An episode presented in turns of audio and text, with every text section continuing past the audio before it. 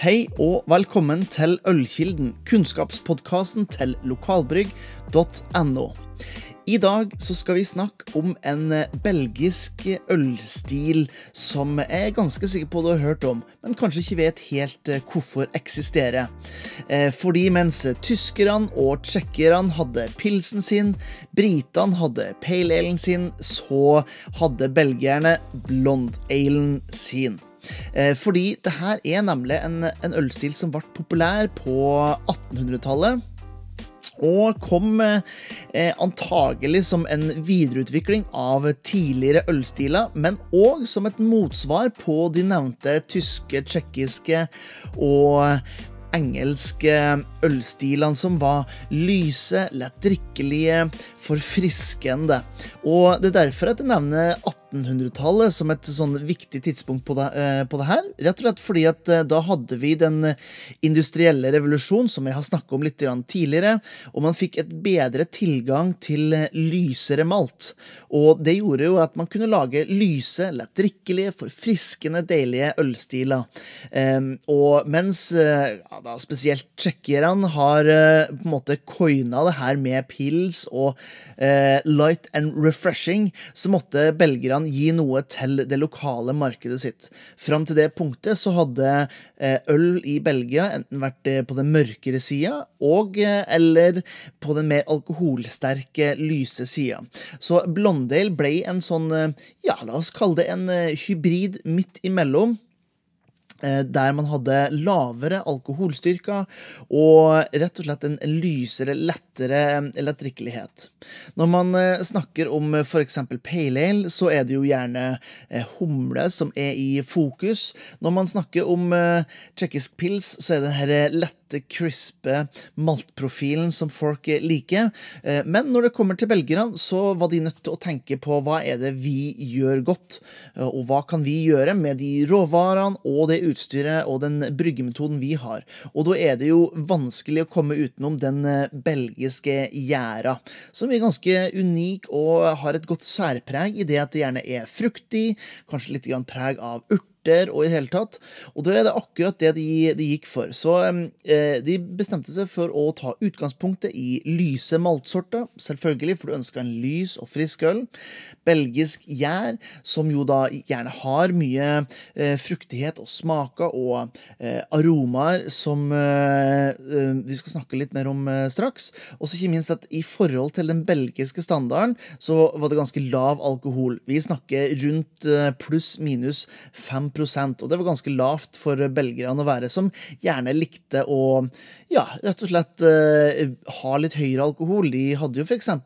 belgisk eh, brun, da, som uh, de kokte i fem-seks timer for å få høy sukkerinnhold, så de fikk høy alkohol.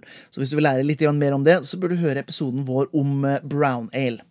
Uh, når man kommer til smakskarakteristikker på en belgisk blonde ale, så er det veldig ofte det her fruktige preget, som sagt. Vi snakker snakker gjerne banan, eh, moden fersken. Eh, kan ha et sånn her eh, appelsinmarmeladepreg i seg. Altså litt søtligere, godt moden frukt. Men gjærpreget gir også eh, et ganske sånn klart krydderpreg, gjerne i, i ølen òg. Malte eh, må være der, ligger litt lengre bak i fokuset i smakene når man eh, snakker om belgisk blondel. Eh, gjerne med type lett toast, eh, kanskje litt karamellsødme. Uh, uansett så er det viktig å huske det at uh, nesten uansett hvilken type blondel du har, så er det ganske lav bitterhet og en ganske sånn krema og rund og delikat uh, myk munnfølelse du kan forvente det. Uansett om ølen er 4,5% eller om den er 5,5 så er den alltid litt ja, leskende, deilig, kremete og fin. Um, når man ser litt på hvordan det her har utvikla seg, altså Blondel, hvordan det har utvikla seg, så er jo det blitt en av de mest kommersielle ølstilene fra Belgia.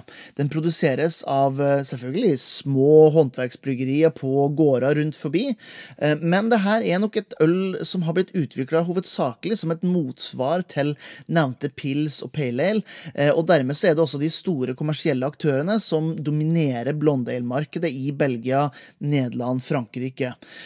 Når man kommer her på berget, her i Norge, så er det gjerne de små håndverksbryggeriene som brygger denne typen ølstil.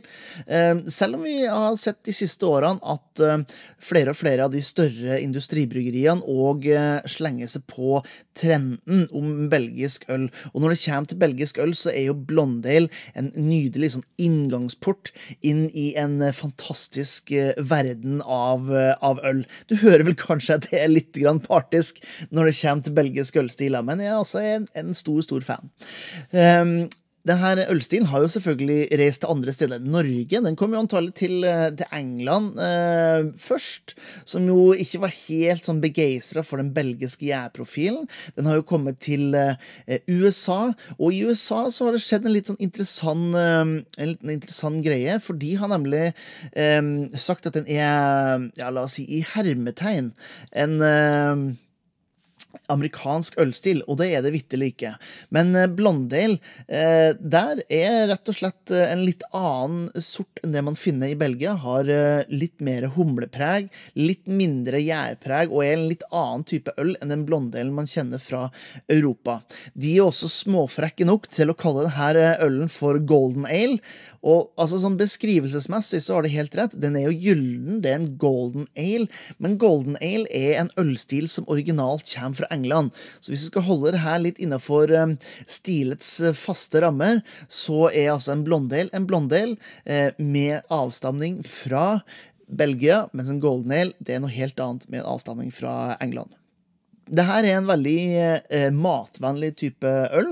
Eh, mye takket være at ikke, den er ikke sånn eh, superekstrem, verken på bitterhet eller alkohol, eh, men den er lysere, har lyse smaker, og da er det også greit å matche det med intensitet fra litt lettere type mat.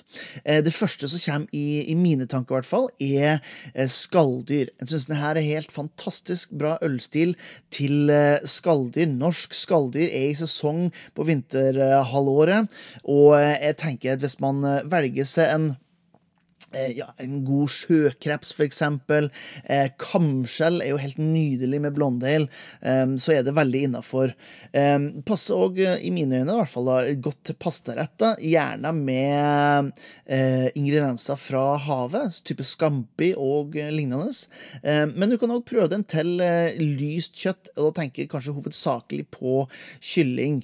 hvis du har kylling som ikke har for mye krydderpreg, så syns jeg at blondale kan være en veldig spennende sak til. Um, og jeg må òg innrømme at kanskje det det passer nest mest etter skalldyr, det må være salata. Og det er rett og slett fordi at den har lav bitterhet, og så har den her krydder-urtepreget fra eh, gjæringa, og en sødme som passer veldig godt med salat. Det er jo ikke noe vi tenker så veldig ofte på, men salat er faktisk litt bittert, og da passer det godt med en litt sånn søtlig tilbehør. Eh, fruktig tilbehør som ikke blir for, eh, for søtt og intenst, men eh, det gjør at man får en god balanse mellom bitterhet og sødme. En god salat, eh, mye grønt. Eh, gjerne asparges og lignende, sammen med en god blondel. Det syns i hvert fall er en kanonkombinasjon.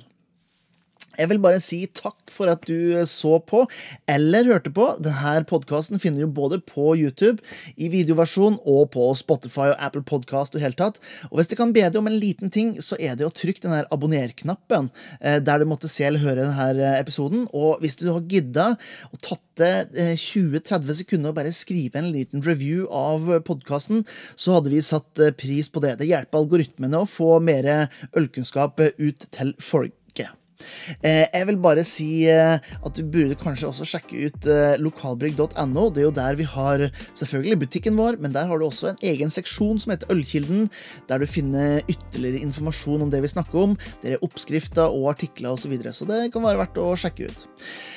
Da vil jeg bare si takk for følget denne gangen. og så gleder vi allerede til neste gang vi skal dykke ned i ølkilden sammen for å lære litt mer om øl.